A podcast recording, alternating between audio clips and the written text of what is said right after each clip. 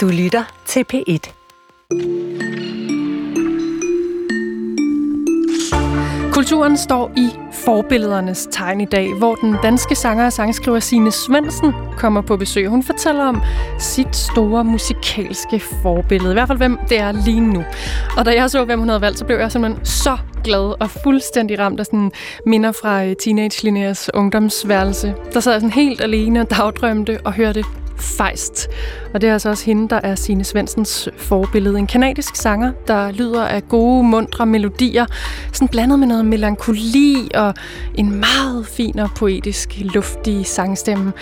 Nå, så jeg er altså på Sine Svensens hold, men jeg tror, der er ret mange, der ikke ved, hvad de overhovedet skal forestille sig, når jeg siger Feist. Ja, for eksempel mig. Men ikke desto mindre, så er det det gode ved de her programmer, at øh, når vi inviterer øh, kunstnere ind for at fortælle om deres forbilleder, så bliver vi klogere og møder nogen, vi ikke kendte før. Så faktisk glæder jeg mig til at møde, og jeg glæder mig også til at hilse på Signe Svendsen. Og den her time holder vi også, hopper hedder det, vi er også ned i nogle fysik og biologi og matematiktimer på ungdomsuddannelserne, for at lede efter den eksistentielle dannelse. En professor fra Københavns Universitet mener nemlig, at de naturvidenskabelige fag er lidt overset i diskussionen om, hvordan vi bedst danner den der ungdom, hvis altså det hele ikke skal gå op i Shakespeare og Karen Bliksen. Kulturen kører stadig i studiet med Jesper Dein og Linnea Albinuslande. Havet omkring Danmark bliver varmere og varmere, det ved vi. Og så kommer der en masse øh, nye arter svømmende der i vandet. Store tun så vi i sommer. Det var fandme vildt syn, ikke? Mm. Øh, masser af muslinger har i flere år ligget klar til at blive samlet op i spandevis ved Vadehavet. Og blæksprutterne trives i bedste velgående. Så det kunne man høre for nogle dage siden i TV-avisen. Det lød sådan her. Jesper Kongsted, du er auktionsmester i, her i Hanstholm. Øh, hvor, hvor mange ton blæksprutter har, har du øh, solgt i år? Jamen indtil videre er vi på næsten 120 tons, og øh, det er vi vældig godt tilfredse med. Blæksprut er en populær fisk. Der er mange, der køber det. Der er, er god konkurrence om det, når det står i auktionshallen om morgenen. Og, og det gør også, at fiskerne får nogle gode priser for den. Så, så det, er, det er en rigtig fin vare. Formanden for Danmarks Fiskeriforening, Svend Erik Andersen, forventer, at blæksprutter vil få voksende betydning for dansk, dansk fiskeri i det hele taget i de kommende år, i takt med, at vandet bliver varmere. Og det er måske bare nogle af de eksempler på, at klimaforandringen vil give os nye vaner, fordi nogle fødevarer kommer til, mens andre så forsvinder. Spørgsmålet er, hvordan eller hvornår det så ændrer vores måltider. Velkommen til, Jonathan Lær. Tak skal du have. Madkulturforsker og adjunkt på Aalborg Universitet. Jonathan, øhm, Begynder vi så nu at spise øh, blæksprutte sådan helt øh, hverdagsagtigt? Blæksprutte og bolo? Ja. Pasta, ret. Ja. nu lyder det jo, som om det har været en stor succes det var sygt på vores, tons, ja, 120 tons, ja. og det er jo også mange, men jeg tror, man skal se det i sådan lidt større perspektiv. Der, der, der tænker jeg, at det ikke er noget. I forvejen så spiser danskerne meget lidt fisk, og det er sådan lidt for nedadgående faktisk. No. Øhm, og meget lidt varieret fisk. Vi er relativt konservative, holder os primært til... Vi vil have rødspætten. Rødspætten. Og torsken. Laksen også. Ja, ja laksen. og silden.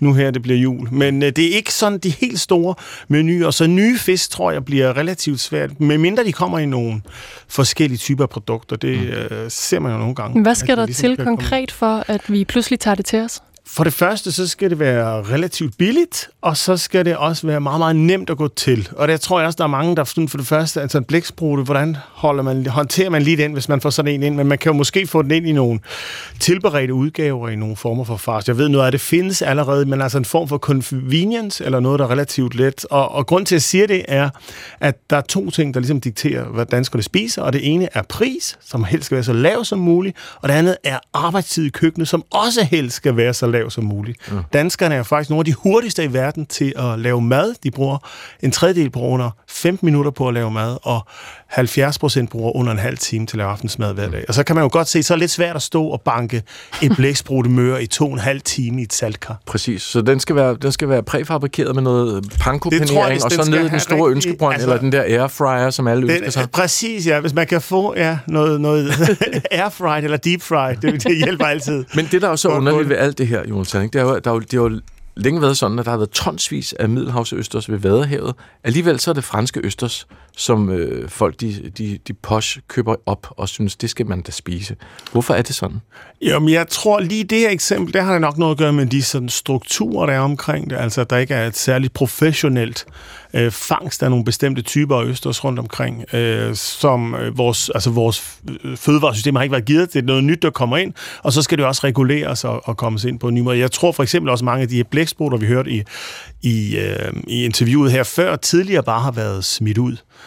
Øh, igen, Nå. der tror jeg simpelthen ikke, fiskerne ville have, øh, have kastet sig over det. kattemad?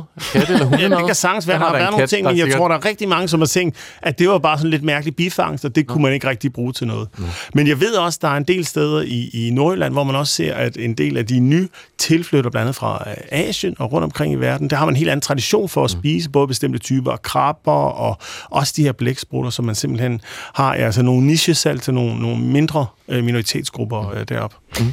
Samtidig med, at den, øh, den her blæksprutte måske øh, nærmer sig, så kan der være tale om, at torsk og sild, de søger længere nordpå end her til nogle endnu koldere vande. Så kommer ansjoserne og sardinerne måske tættere på os. Men det er stadig pris og arbejdstid, der er afgørende for, om vi øh, tager det til yeah. os. Hvordan har vi historisk set været gode eller mindre gode til ligesom at lave om på vores middagsbord i takt med, at råvarerne rundt om os ændrer sig? Ja, vi er ret dårlige til det generelt, men mennesker, øh, danskere og sådan generelt kan man sige, at det er jo meget generaliserende, men overordnet så er man relativt doven øh, for det meste, hvis tingene bare kører, som de plejer.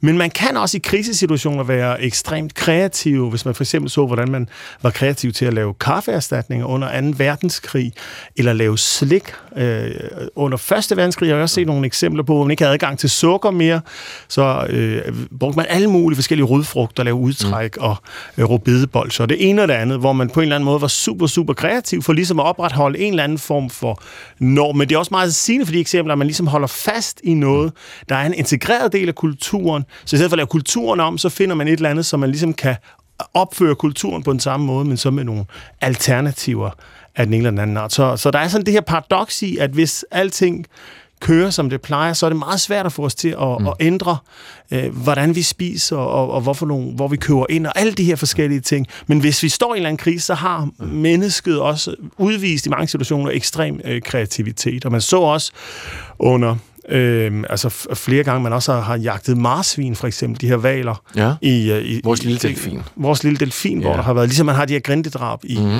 i, i, i Færøerne, så har man også haft noget lignende i, sådan, i visse perioder, hvor det har været småt med maden ja. i det sydfynske øhav. Mm.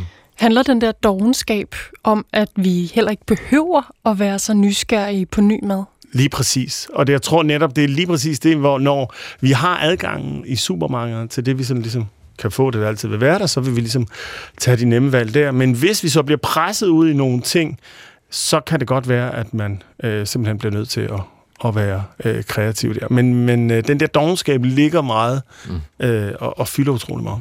Og der skal altså en krig til for ligesom at ændre det? Ja, ja. eller Måske noget lidt mindre kunne okay, også gøre det. Ja. Det håber jeg.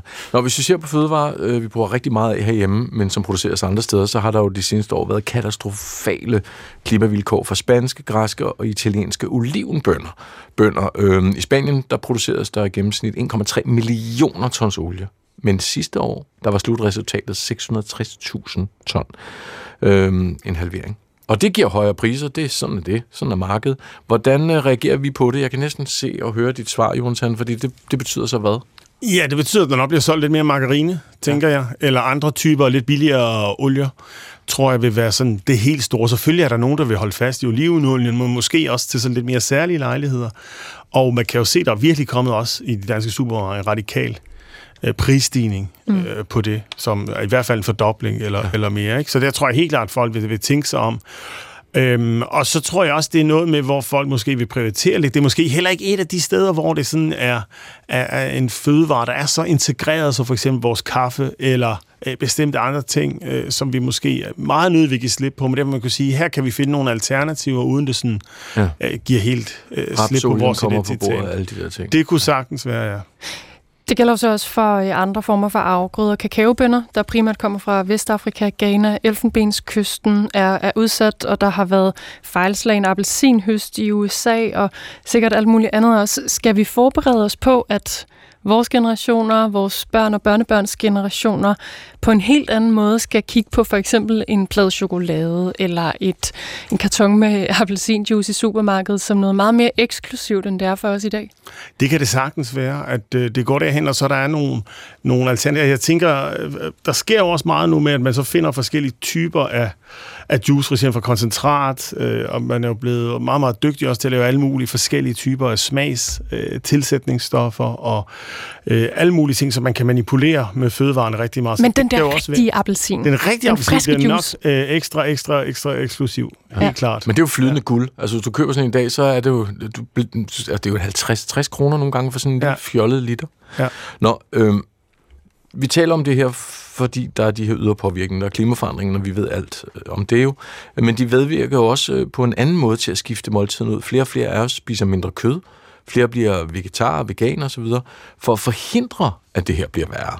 Hvordan forudser du de ændringer? I vores adfærd? Jamen, der kommer også øh, til at ske noget, tror jeg faktisk. Og jeg synes, nogle af de steder, hvor man ser det, det skubber sig lidt, det er også, at man ser det mere og mere i sådan institutioner, at der kommer nogle pres på. Det tror jeg er en af de ting, der skal til, hvis det ligesom skal, skal ske nogle ændring, at man både får en, øh, en forandring i alle de institutionelle måltider, vi har. Der er jo rigtig mange, der spiser i kantine hver dag, men også i skoler, plejehjem og så videre. Der kan man virkelig også skubbe en, en udvikling derigennem. Men stadigvæk så er tallene ret små faktisk, hvis man ser på det. Jeg tror, antallet af vegetarer inden for de sidste fem år er steget fra 1,8 til 3,2, så det er jo stadigvæk meget, øh, altså det er nogle mindre bevægelser, når man snakker med detailhandel, så at de her skift i antallet af mængderne af kød, der bliver solgt, er, er også relativt begrænset stadigvæk. Så mm. det er ikke sådan, man ser en kæmpe revolution. Jeg tror, det vil ske relativt langsomt. Og så er der også det her med, at det typisk er nogle bestemte segmenter, typisk de veluddannede byboere, som i langt højere grad ligesom kommer ind over. Det var og, det, jeg lige skulle til at spørge om, ja. med by og land, fordi det er jo stadigvæk der, det, altså hvad de gør på Nørrebro eller på Østerbro, eller hvor det nu er,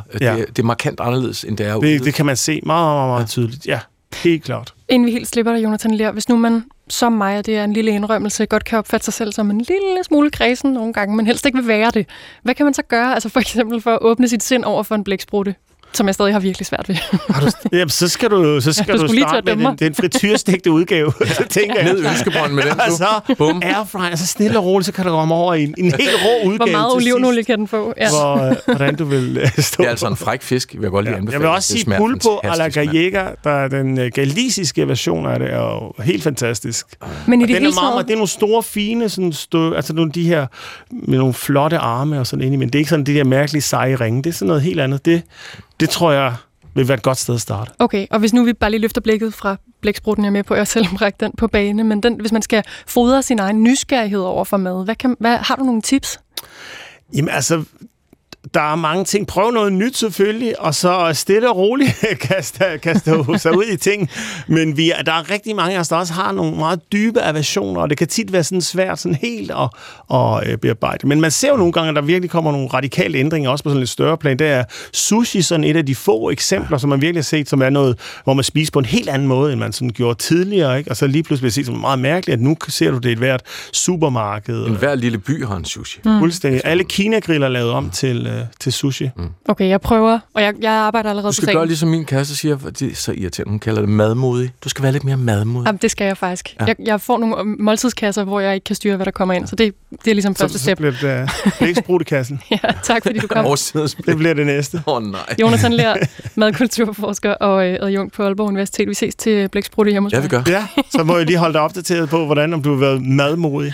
Og hvad for en olie du bruger. Nå, ja. Nå, vi skal rask videre her, fordi øh, der er noget med forbilleder og mennesker, man støder på i sit liv, og som sætter aftryk på den ene eller anden måde. Nogle gange kan man øh, sige, at det er helt livsforandrende, og de forbilleder, vi har gennem livet, siger også noget om os selv. Så derfor har vi inviteret forskellige kulturgæster ind for at fortælle om deres forbilleder. Og her i studiet står nu Signe Svendsen. Du skal bare lige sige hej, Signe. Hej. Sanger, sangskriver, som lyder for eksempel så smukt som det her. Tilgiv mig Pas godt på dig selv. Jeg slipper dig nu, min ven. Se på dig. Du græder i min bil. Jeg holder dig i mine hænder Som vand, som ild. Du siger det svært at forstå At vi har set på hinanden. Så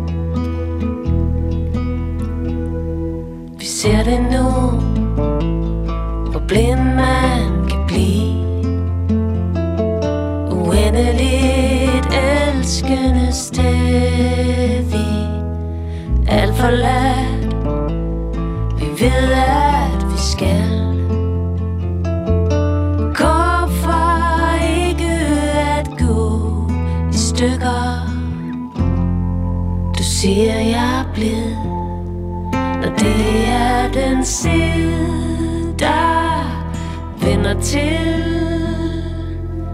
Jeg ved du tror Men det er et spørgsmål om tid Det er titelnummeret fra Signe Svendsens seneste album, som øh, hun turnerer rundt med lige nu. Og man bliver helt rolig. Ja, det er meget fedt. Det er, på, det er perfekt mandagsmusik, vil jeg lige sige. og ja, det mener jeg på den fede måde. Mm. Altså, det er virkelig... Ah, Ja. Signe Svendsen, det her var dit eget, men vi har jo bedt dig om at pege på en anden kunstner, som inspirerer dig, Mm. og som du kan bruge som et forbillede. Hvordan har det været at, at vælge? Det er selvfølgelig sindssygt svært og ret nemt samtidig, fordi det er sådan med mig og forbilleder, så skifter det. Øh, jeg kan godt ryge ind i sådan en periode, så svinehører jeg den samme kunstner, hvis vi taler musik. Øh, overalt, hvor jeg kører i min bil og derhjemme og tjekker altså hele albums ud i en uendelighed. Og så, øh, så går der fire måneder, så er det en ny. Øh, så på den måde, så kan man godt sige, lige nu er det meget klart, står det meget klart, hvem det er, der er forbilledet. Øh, men på den lange bane selvfølgelig har der været mange undervejs. Og så er der. der, går, der er sådan et mætningspunkt faktisk, hvor du får brug for også at, at kigge videre. Ja, altså, øh, det bliver på, ja, det kan du godt sige. Altså, så har jeg ligesom afsøgt alt. Øh, Hvis det handler om et bestemt album, så kender jeg alle hjørner og sådan noget. Så, så, ja, så skal jeg lidt videre, men, men det, det bliver hos mig alligevel. Mm. Nu har øh, Linnea jo flere gange, det har du ikke hørt, øh, Signe, fordi du, du har måske ikke hørt radio sidste time, hun har flere gange fladet for, at det var fejst, du har valgt. Ja, Og jeg står som her, jeg, jeg er i undertal, fordi jeg ved ikke ret meget om fejst, så jeg glæder mig meget til at høre, hvorfor I to, og dig i særdeleshed, Signe Svendsen. Jeg skal nok ikke være med at kubbe den, men det jeg er med dig. Men, men, øh, men start med at fortælle mig, og alle de lyttere, der sidder ud og tænker, fejst, fejst, fejst, hvad er vi ude i her? Hvem er hun? Hvad er det? Ja, faktisk hun er øh, kanadisk sanger, sangskriver, øh, kunstner, synes jeg, med stort K, øh, inden for sin genre. Øh, Singer-songwriter, kan man vel godt sige det, med et indie-touch. Øh, hun er øh, sublim tekstforfatter ud i sådan et meget sådan øh, farverigt billedsprog, men samtidig med en veksling over i noget, som er meget jordnært og lige på. Så for mig synes jeg, hun opfylder alle de ting, jeg gerne vil have fat i i en tekst, at jeg både kan blive taget hen et sted, hvor jeg ikke lige vidste, jeg skulle hen, mm. og så stadigvæk kunne mødes i et sprog, som jeg forstår. mm. Altså den veksling synes jeg er vigtig. Øhm, så er hun en fantastisk guitarist. Hun spiller sindssygt godt.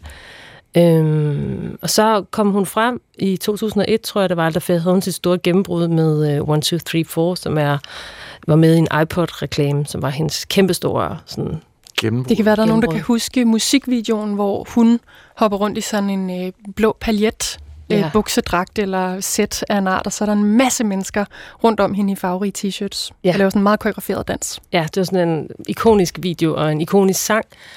Og det fede ved hende, det er, at hun så får det her gennembrud, og så, men hun fortsætter ligesom, tror jeg, ned ad den vej, som, som jeg forestiller mig, at hun egentlig sådan altid har gået, hvor hun er nysgerrig og udfordrer sig selv. Og, altså, så hun følger ikke op på det her kæmpestore smash hit med at prøve at lave noget, der ligner. Mm.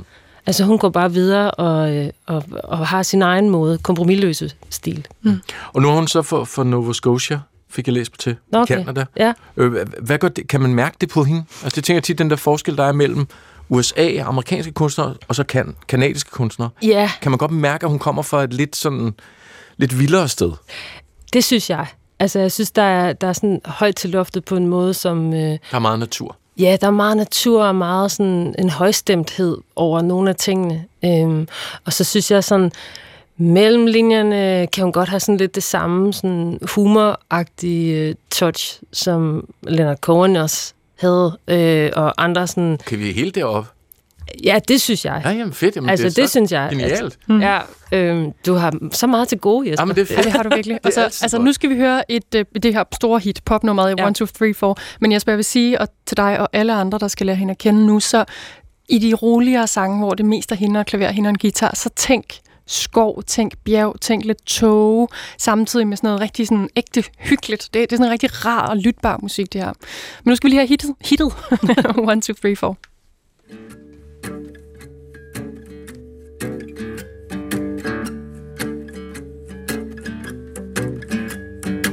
One, two, three, four. Tell me that you love me more. Sleepless, long nights. eyes with my youth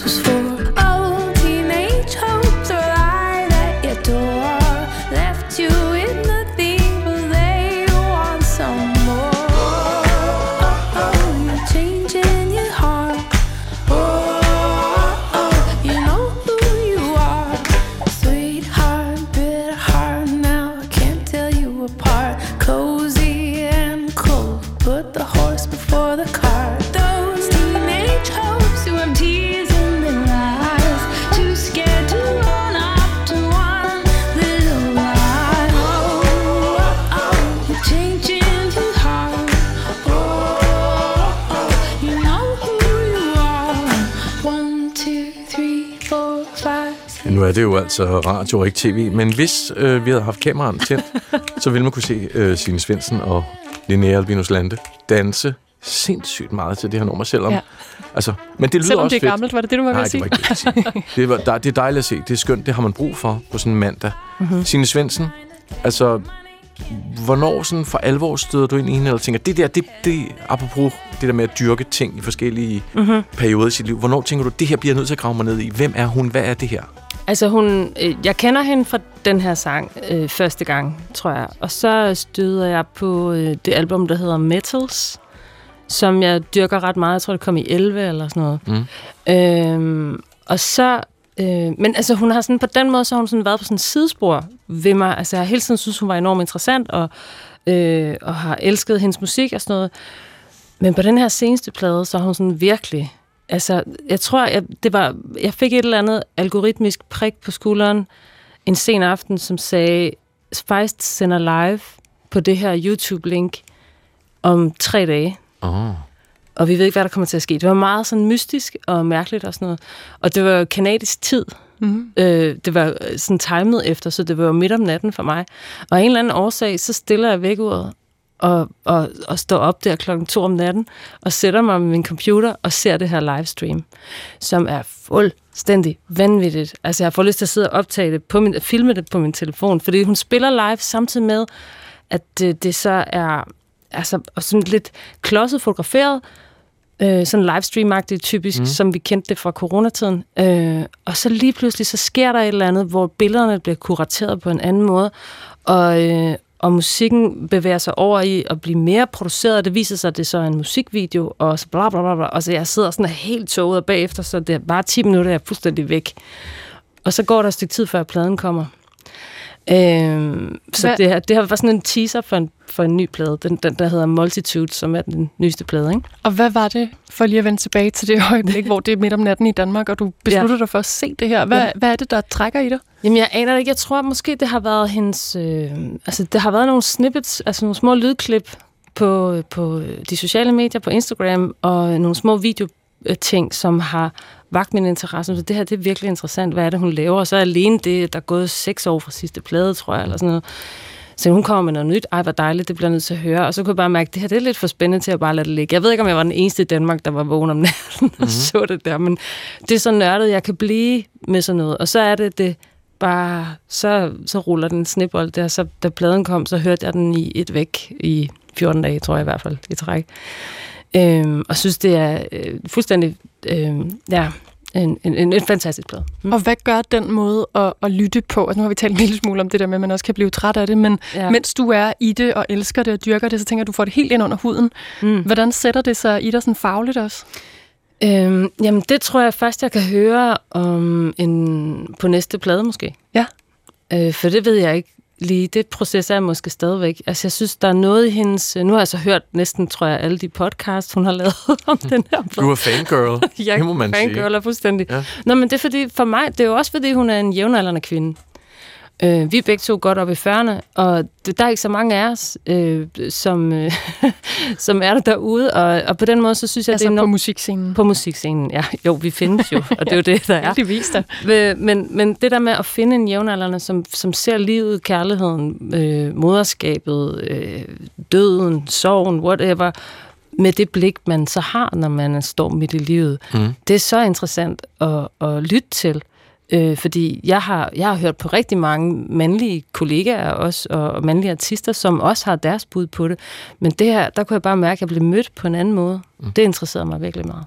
Lad os lige dvæle lidt ved det med mm-hmm. alderen og være mm. udøvende kunstner i godt op i 40'erne, siger du så. Ja. Hvad, hvad er det for et liv? Prøv lige at beskrive, hvad er det? Øhm, hvad er det for? Nå, men det, det lyder som om, der er indbygget nogle problemer i det, ikke? Altså, I jo. er ikke mange, siger du. Der er, hvad er det for en modstand, man møder der? Det er svært at sige, fordi den, øh, det, det er... det er sat sammen af mange forskellige ting, tror jeg. Altså, vi, musikbranchen er jo, er jo sådan meget kendt for at øh, pensionere kvindelige artister, når de er over 35. Mm. Og derfra så ser du dem meget agere på sidespor. Mm. Altså uden om de store pladselskaber, uden om festivalerne, uden om, øh, uden om radio også nogle gange. Øh, altså, at, at der er en underrepræsentation af, af kvinder, som er over 35, øh, i alle de der henseender, hvor man kan sige, det store branchespor. Mm. Men vi er der jo, og vi har publikum. Det er det, der er så fantastisk. For vi spiller også spillestederne, og, og, og hvad skal man sige, de mindre festivaler og sådan noget, er jo med. De vil gerne præsentere det her musik. Men vi agerer tit på et andet spor, end det store, brede øh, branchespor. Hvordan har du set eller lagt mærke til, om eller at Feist har øh, gået til det at være midt i 40'erne her i livet? Øhm, jeg har jeg har lagt mærke til, at hun, øh, og det siger hun også et sted i et interview, at øh, hun på et tidspunkt, når hun sætter sig til op i en hytte et eller andet sted i Nova Scotia, garanteret uden skov, og skal skrive den her plade, at, at det, der kommer til hende, er lige pludselig, at hun kan mærke, at hun har i stykke tid måske taget de ting ind, der er kommet fra omverdenen på en negativ måde. Altså gået sådan lidt i forsvar, øh, ligesom forventet, at øh, det, der ville komme mod hende, var lidt negativt. Og det tror jeg er sådan meget normalt for kvinder i i, øh, midt i livet, at øh, der skal ikke så meget til, så tager vi sådan en usynlighedspille, og så kan man ikke øh, se os mere, fordi vi sådan, åh oh, nej, nu kan vi ikke føde børn mere, der er ikke rigtig brug for os, eller bla bla bla, hele den der snak. Men hvor hun så aktivt vender det og siger, nej, lad mig, lad mig se det hele lidt anderledes. Lad mig være det her solpanel, hvor jeg ligesom giver tilbage øh, til, til verden på en positiv måde. Ja. Mm. Det synes jeg er fedt. Jeg synes, vi skal, jeg har lyst til at høre lidt mere af hende synge, og så skal vi tale om en kæmpe stor oplevelse, du har haft med hende. Everybody's got their shit, got their shit. Who's got the guts to with it? Who's got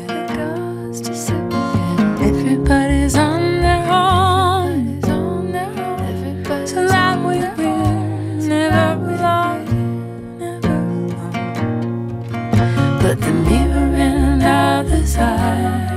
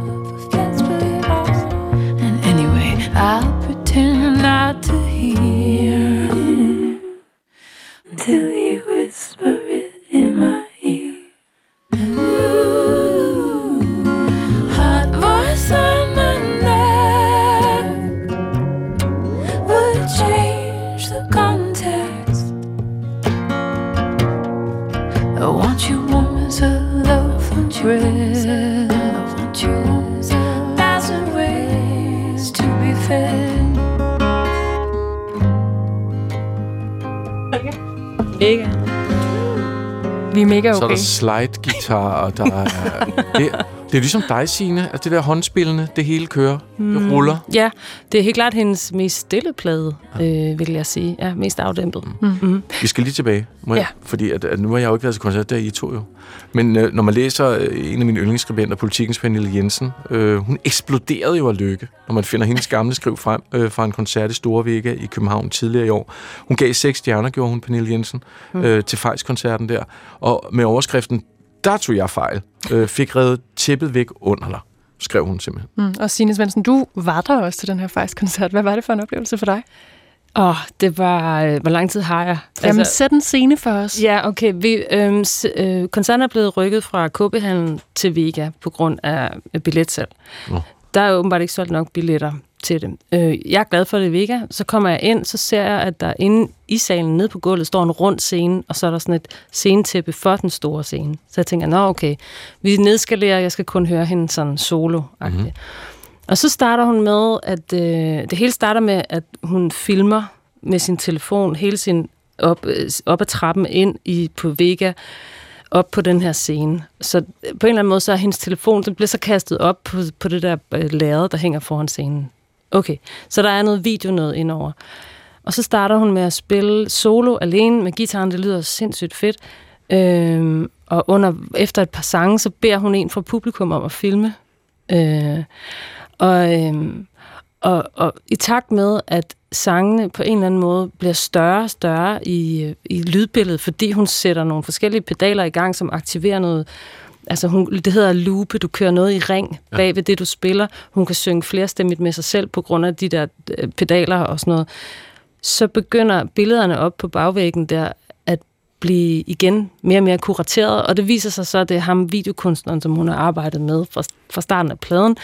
Og på den måde, så, så lige pludselig så opstår der en form for fortælling, samtidig med, at hun spiller.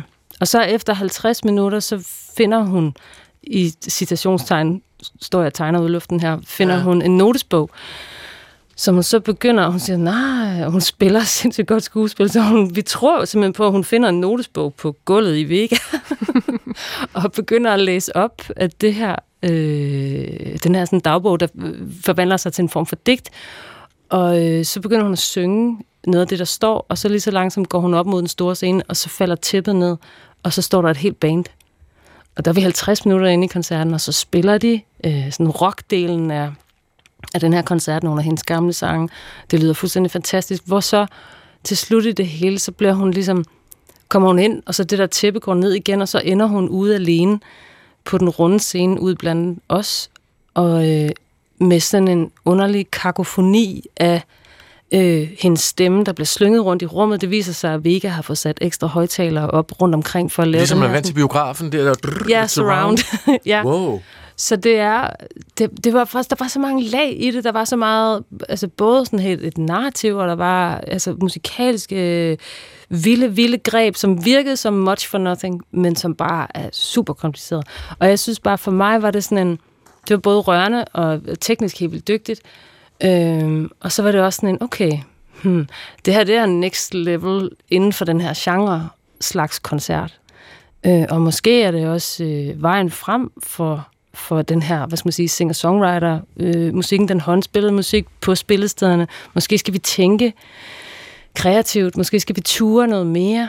Øh, Giv det sådan et visuelt lag også. Sammen med Ja, ham, kunstneriske præcis. filmskaber-type der, ikke? Ja. ja, præcis. Ja, altså det der med at, at ture ligesom træde ud for det der klassiske format, mm. med at du har folk siddende ved nogle øh, på nogle stolrækker, og så spiller du derop fra, og det hele er sådan på en eller anden måde. Det er de samme dimensioner, du mm. har set altid og sådan noget. Så hun skubbede virkelig til den der opfattelse. af, hvad sådan en koncert kan være. Og jeg tror bare, det har jeg tænkt efterfølgende, at vi går ind i en tid nu, hvor også danske kunstnere skal spille arena-koncerter, og man vender publikum til det her kæmpe store smæld, ja. som det er at stå blandt 10-15.000 mennesker. Derfor så skal vi i de mindre formater turde tænke anderledes, tror jeg, for at give folk, okay, hernede på det her plan kan du få den her slags oplevelse, som er Som. Boxen eller Royal Arena ikke kan. Ja, præcis. Mm, hvor man kommer helt tæt på. Ja. Hvad tager du så med dig? Du har næsten sagt det Ja. allerede, Signe, men professionelt, altså kan man forestille sig, at du, vi er selvfølgelig ikke ude i at kopiere noget her, men ligesom øh, lader dig inspirere af at have en, et andet slags hold med, når du selv tager ud og spiller, altså også en visuel kunstner, og Mm. måske nogen, der kan noget mere med lys, end man plejer at have, eller hvad ved jeg? Ja, 100 procent. Altså, det er der også flere, der, der gør herhjemme. Peter Sommer gør det allerede. Jeg har lige været inde og se ham og Pelle Hjort i koncertsalen. En smuk, smuk koncert, som rent visuelt også bare er, er helt vildt, faktisk. Altså, og det er klart, altså det, det at kunne spille på det visuelle også, det, det, det tror jeg er, er noget, jeg virkelig godt kunne tænke mig i fremtiden. Øhm, nu her på onsdag skal jeg jo spille ind i Studie 2 med øh, et strygerensemble. Og, Koncertsalen i DR ja, Studie 2. Studie 2, ja. Og det, det er sådan for mig også en, en ny ting at tage den klassiske verden ind i den rytmiske. Mm. Det glæder jeg mig også helt utrolig meget til. Men det er helt, hun har inspireret mig sindssygt meget til at øh, udfordre mig selv, både på sangskrivning, men også på det at stå på scenen. Nu tøffer hun sig rundt derovre i Nova Scotia. Hvis hun nu kommer ind ad døren, Ja. ja. var på besøg i København, hvad vil du så spørge hende om? Uh, øhm, så vil jeg spørge hende om, hvordan hun laver sin guitarlyd. Nå, Det er meget konkret. ja, det er meget konkret. Altså laver, er det ikke bare en, undskyld, nu siger noget, er det ikke sådan en, en producer, John, der sidder Der er ikke, og drejer? Nej, Nej? det er selvfølgelig hende, Jesper. Nå, undskyld. Ja, det er altså ikke en mand, der gør, gør tingene Men, fede. al- altså, hvad mener du? Prøv at forklare sådan en som mig. Hvad betyder det, når du siger Jamen, det er fordi, okay, hun har en guitar, som er en gammel Martin-guitar, kan jeg godt se. Okay. Den, jeg kan ikke huske, hvad den hedder, noget med 17 eller noget. Det, mm. Den er dyr og lille. Mm. Øh, men så gør hun, hun putter nogle andre, hun stemmer den ned for det første, den lyder ah. dybere.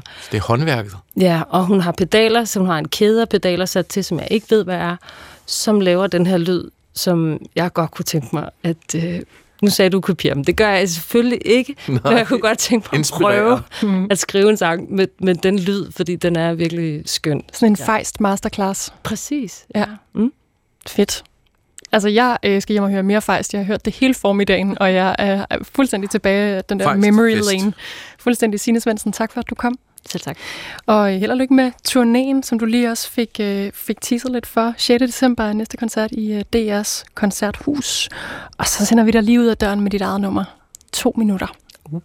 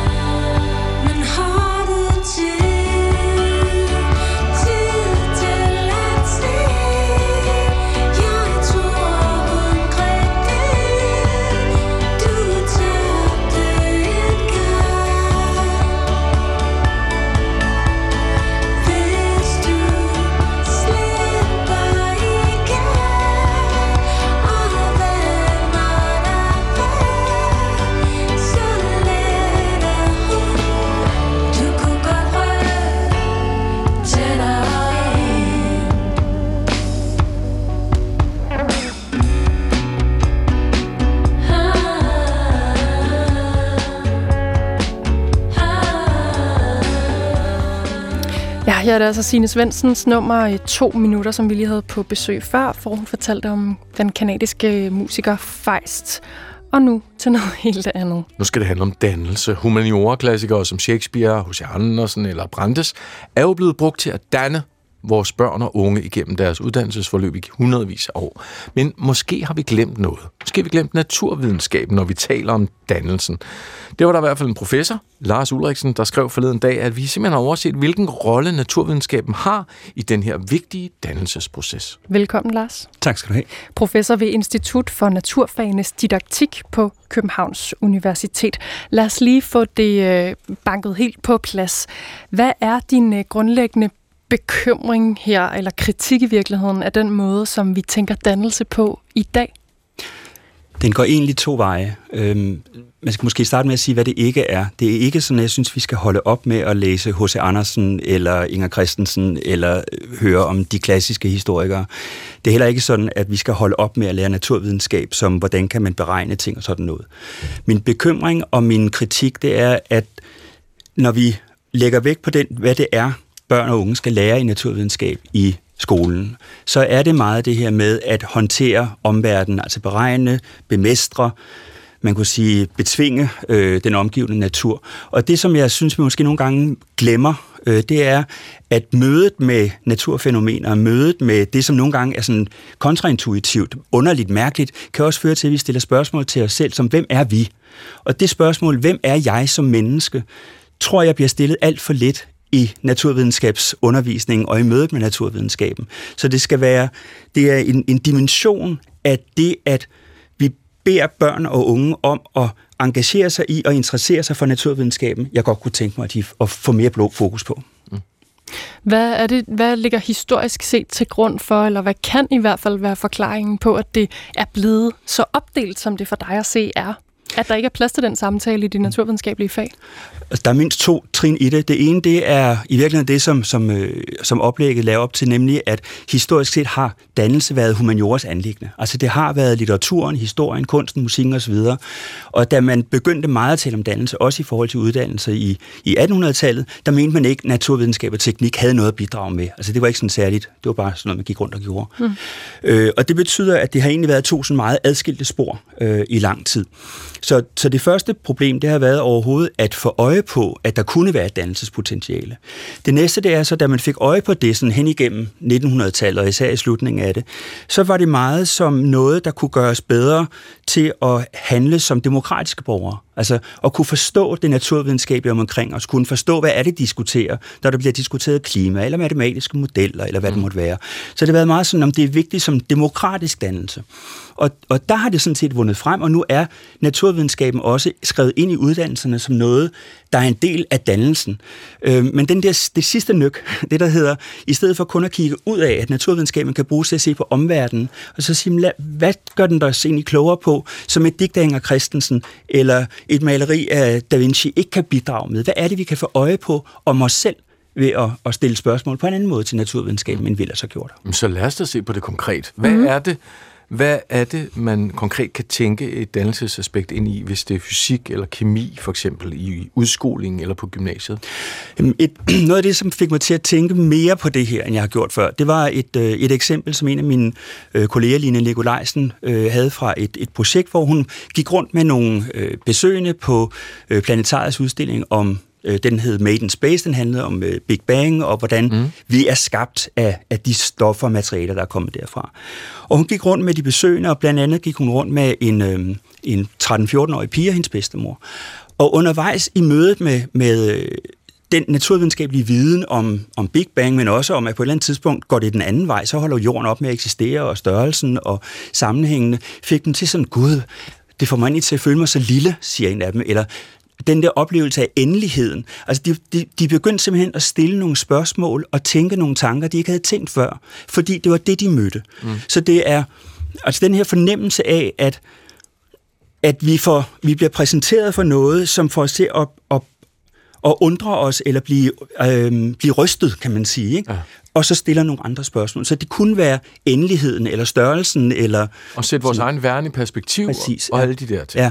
Og hvis, hvis man bare lige skal sådan melde, eller hvad hedder det, skære det helt ud, ud i pap, kunne det så være, at man for eksempel havde, så jeg ved ikke hvad, en opgaveside, der handlede om Big Bang, øh, og så nogle afsluttende spørgsmål om, hvordan får det der så til at føle som menneske? Er det er det, sådan, er det, det, du drømmer om? Ja, altså, det er jo sådan, nej, det, altså, det tror jeg måske vil så vil det risikere bare at blive et, et enkelt spørgsmål. Men du har ret så langt, som det, som jeg tror er det rigtig vigtige, det er, at vi husker, at, eller underviserne husker at stille nogle andre spørgsmål også.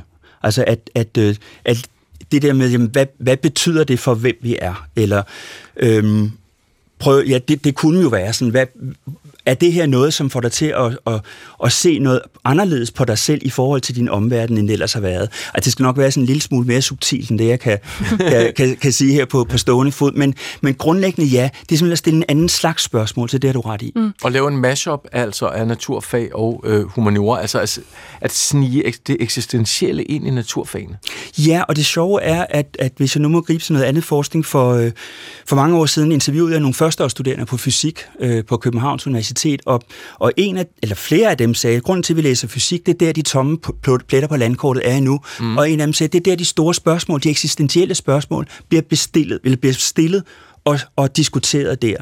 Så droppede de så ud efter halvanden års tid, fordi det var der alligevel ikke plads til i universitetsstudiet, fordi der er det noget andet, der er i fokus. Men det er mere for at sige, at der, der er jo nogen, der oplever, at der er de der mere eksistentielle og filosofiske spørgsmål ude at gå i det. Og det tænker jeg også, der kan være i nogle af de andre naturvidenskabelige fag. Jeg vil skulle til at sige, apropos det, du lige siger her, at det lyder jo som et behov, man nemt kan få stillet i en filosofitime i gymnasiet, eller hvis man vælger at læse filosofi på universitetet, er det egentlig ikke bare der, man skal søge hen så? Nej, fordi, og, og det er jo så den anden side af det, at det ene det er, at jeg synes, der er noget i naturvidenskaben, som vi kommer til at overse som naturfagsundervisere og, og dem, der tænker undervisning. Men i virkeligheden tror jeg også, at vi nogle gange kommer til at støde nogen fra os fra naturvidenskaben, som kunne have været interesseret i det.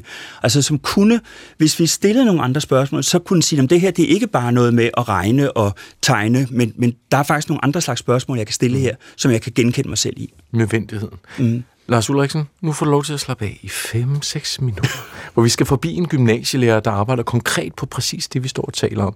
Fordi både folkeskolen og gymnasierne har jo altså til formål, det ved vi fra lovgivningen, at gøre vores elever og unge til gode demokrater. Der står for eksempel i gymnasieloven, at uddannelserne, citat, skal have et uddannelsesperspektiv med vægt på elevernes udvikling af personlige myndigheder, og eleverne skal derfor lære at forholde sig reflekterende og ansvarligt til deres omverden.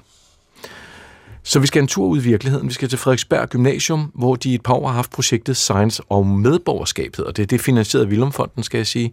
Og et øh, samarbejde, som Gladsaxe, Frederiksborg og Frederiksberg Gymnasium har. Heidi Larsen er navnet på fysik- og matematiklæreren, jeg talte med i morges. Hun er på Frederiksberg Gymnasium, og hun forklarer her om projektet. I det konkrete forløb her, som vi har arbejdet med, det er øh, hvad hedder det, naturvidenskabelige grundforløb, som alle elever har i det første øh, tre måneder af deres øh, gymnasieforløb. Og øh, der vil vi godt vise dem, hvordan de naturvidenskabelige fag spiller sammen med verden omkring dem, og hvordan de med kritisk stillingtagen og viden og refleksion og kompetencer inden for naturvidenskab kan, kan påvirke verden omkring dem og være med til at, at ændre den i en, i en mere bæredygtig retning.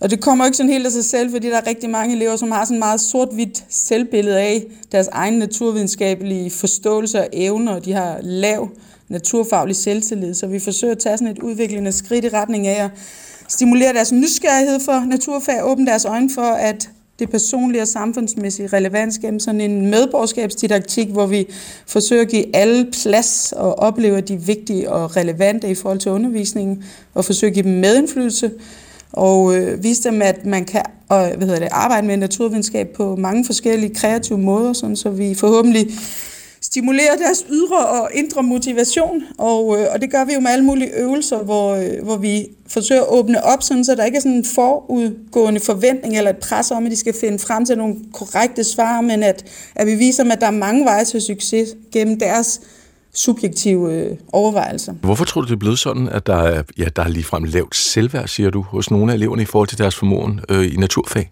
Meget af det hænger også på, at mange af vores øh, fag bøger er skrevet på sådan en meget, hvad skal man sige, informationstæt måde, så det kan være svært for eleverne at gå til. Øh, og hvis man så lader øh, fagbøgerne diktere øh, ja, didaktikken i undervisningen, jamen så, så bliver det simpelthen svært for eleverne at, at koble sig på. Så jeg tror, man skal sige, at jamen, vi skylder ikke færre noget, vi skylder eleverne noget. deres, kan man sige, læring, det skal hvile på et fundament af noget kendt, så det nytter ikke noget at storme derud af med 120 km i timen, hvis eleverne oplever, at vi har savet de nederste trin af, uddannelsesstigen af, og så de aldrig rigtig kommer kommer ombord i undervisningen. I har en mængde dogmer. Øh, lad os tage nogle stykker af dem. Hvad, hvad, hvad kunne det handle om, Heidi? Ja, men altså, øh, nogle af de dogmer, vi har for den naturvidenskabelige undervisning, er jo et forsøg på at vise eleverne, hvad er det, de kan forvente sig af den naturvidenskabelige undervisning i gymnasiet, og også samtidig sådan en rød tråd for os lærere, hvordan ønsker vi at didaktisere undervisningen. Så rent konkret, hvis vi har forløb omkring klimaet, jamen, så er det jo noget med at gøre dem nysgerrige på, hvordan de kan påvirke verden med naturvidenskab. Øh, de skal opleve, at der er en undervisning, der tager udgangspunkt i dem selv. De skal få uventede oplevelser, som viser dem, at vi har en, en fascinerende natur. De skal vise, at de med, hvad hedder det, eller opleve, at de med indsigt og viden kan tage ansvar og træffe bæredygtige valg. De skal træne til at stille gode spørgsmål, som inviterer til undersøgelser, hvor løsningen ikke er givet på forhånd. Øh, der er det her med øh, de mange veje til succes og mestring. Det er en stor, øh, tror jeg, pointe også i forhold til at give eleverne noget naturvidenskabelig selvtillid, at de oplever en mestring. Jeg ved, I har evalueret efter projektet. Hvordan har eleverne så taget imod det? Vi har spurgt ind til de her dogmer her i forhold til evalueringen. Blandt andet har vi spurgt ind til, om det øh, øh, har været muligt at deltage aktivt i undervisningen, og den scorer meget højt. Det er vi ikke så overrasket over, fordi det er noget, det vi har haft meget fokus på og træner meget. De siger, der de oplever en øget deltagelse, øh, med de sprogudviklende aktiviteter, som vi øh, arbejder med, og det styrker deres øh, faglige forståelse og brug af fagbegreber. Så det er jo rigtig positivt. Den scorer sådan mellem 3 og 4 på en skala fra 1 til 5.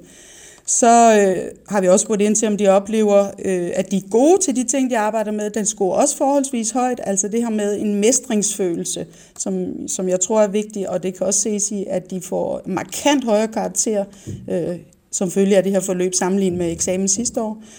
Øh, så er der det her med, om de, om de oplever, at de får en øget forståelse af, hvad naturvidenskab kan betyde for dem, øh, i forhold til, hvordan vi skal indrette vores samfund. Den scorer også højt. Og de er fascineret af forløbet, den scorer også højt. Desværre, dem der ikke scorer så højt, det er jo det her med den personlige betydning, og det her med, om de får mere lyst til naturvidenskab. Den ligger på sådan en, en jævn øh, middelkarakter, hvor de svarer i nogen grad. Og det, som jeg måske synes er interessant, er, at eleverne godt kan opleve fascination af naturvidenskab, uden at det nødvendigvis bunder i en personlig betydning for dem. Altså, der er forskel på, om de er personligt involveret eller følelsesmæssigt involveret. For eksempel sådan noget som katastrofer kan godt tale til deres følelsesmæssige involvering, at der er noget på spil, altså liv og død for eksempel. Øh, så det, øh, men også det her med en følelse af at, øh, at mestre noget, er noget, der scorer i forhold til, om de, om de er fascineret af de her forløb, kører med.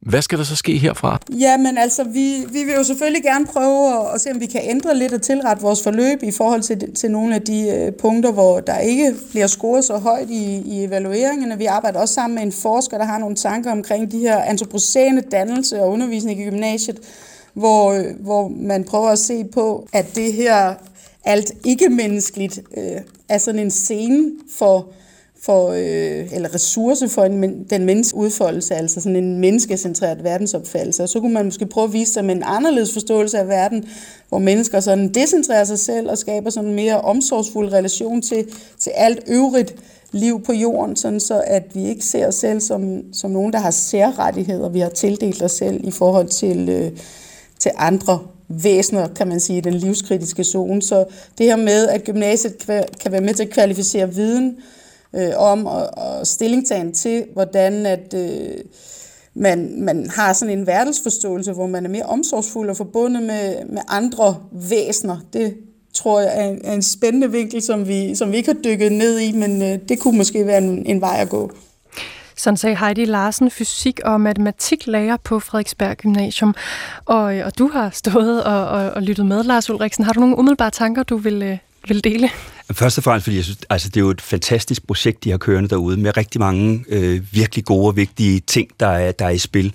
Øhm, så på den måde, al, al respekt og plus øh, for, for det. I forhold til det, vi talte om før, øh, synes jeg, der er to ting, jeg, jeg vil kommentere. Det ene, det er, at det første, øh, altså størstedelen af deres projekt, handler virkelig meget om det, som jeg synes, vi allerede har. Altså det der med naturvidenskaben som noget, der kigger ud af. Altså hvis nu prøver at forestille os naturfagsundervisningen som sådan en, en, øh, en krop, mm. så, så kigger den meget ud i verden. Hvad kan vi gøre ved verden? Hvordan kan vi forstå verden? Hvordan kan vi gøre den bedre? Sådan nogle ting. Og det er vigtigt. Det skal vi holde fast i. Det, den gør mindre, det er at kigge indad. At sige, hvem er vi så, os der skal gøre noget ved verden? Og det er noget, hun kommer lidt ind på det til sidst med det antropocene. Altså ja. det der med, med, hvad er mennesket i naturen?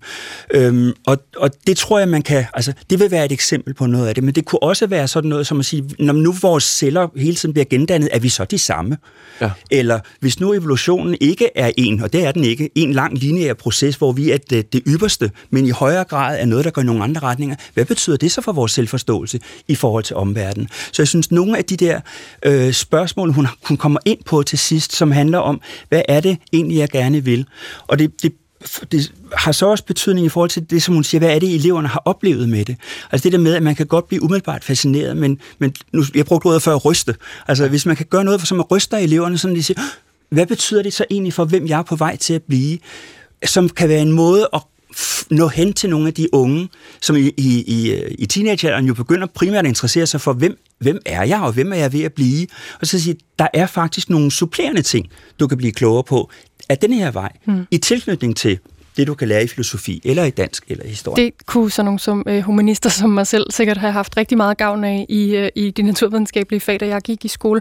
Men hvad med dem, der bare er mega, mega dygtige til biologi og matematik, og bare gerne vil have det rent, og få lov at perfektionere modellerne og formlerne, og hvad ved jeg, alt det her, Lars. Hvordan fagner man det hele på én gang? Jamen, det er jo, øh, det er jo også svært. Øhm, og, og der er jo også, altså man kan sige, det et andet spørgsmål til mig, det er at sige, er de, så, er de unge så bare ikke endnu dårligere forberedt, end folk allerede synes, de er, når de kommer videre på gymnasiet eller på de videregående uddannelser?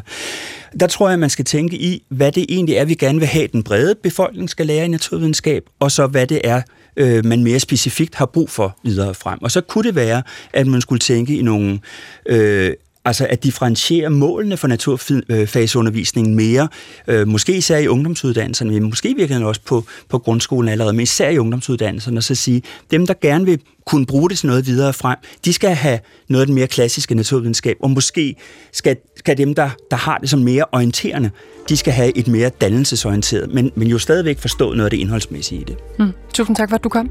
Lars Ulriksen, professor ved Institut for Naturfagenes Didaktik på Københavns Universitet, der altså kom ind og give, lige gav sådan en opsang til den øh, almene eksistentielle dannelse i naturvidenskabelige fag. Tak for det. Det var ugens første udgave af Kulturen. Det var Linnea Albinus Lande og Jesper Dein, der stod i studiet. Det var Thomas Holmby Hansen, der tog sig af produktionen. Lige om lidt er radiovis. Kan I have det godt? Ha' det godt.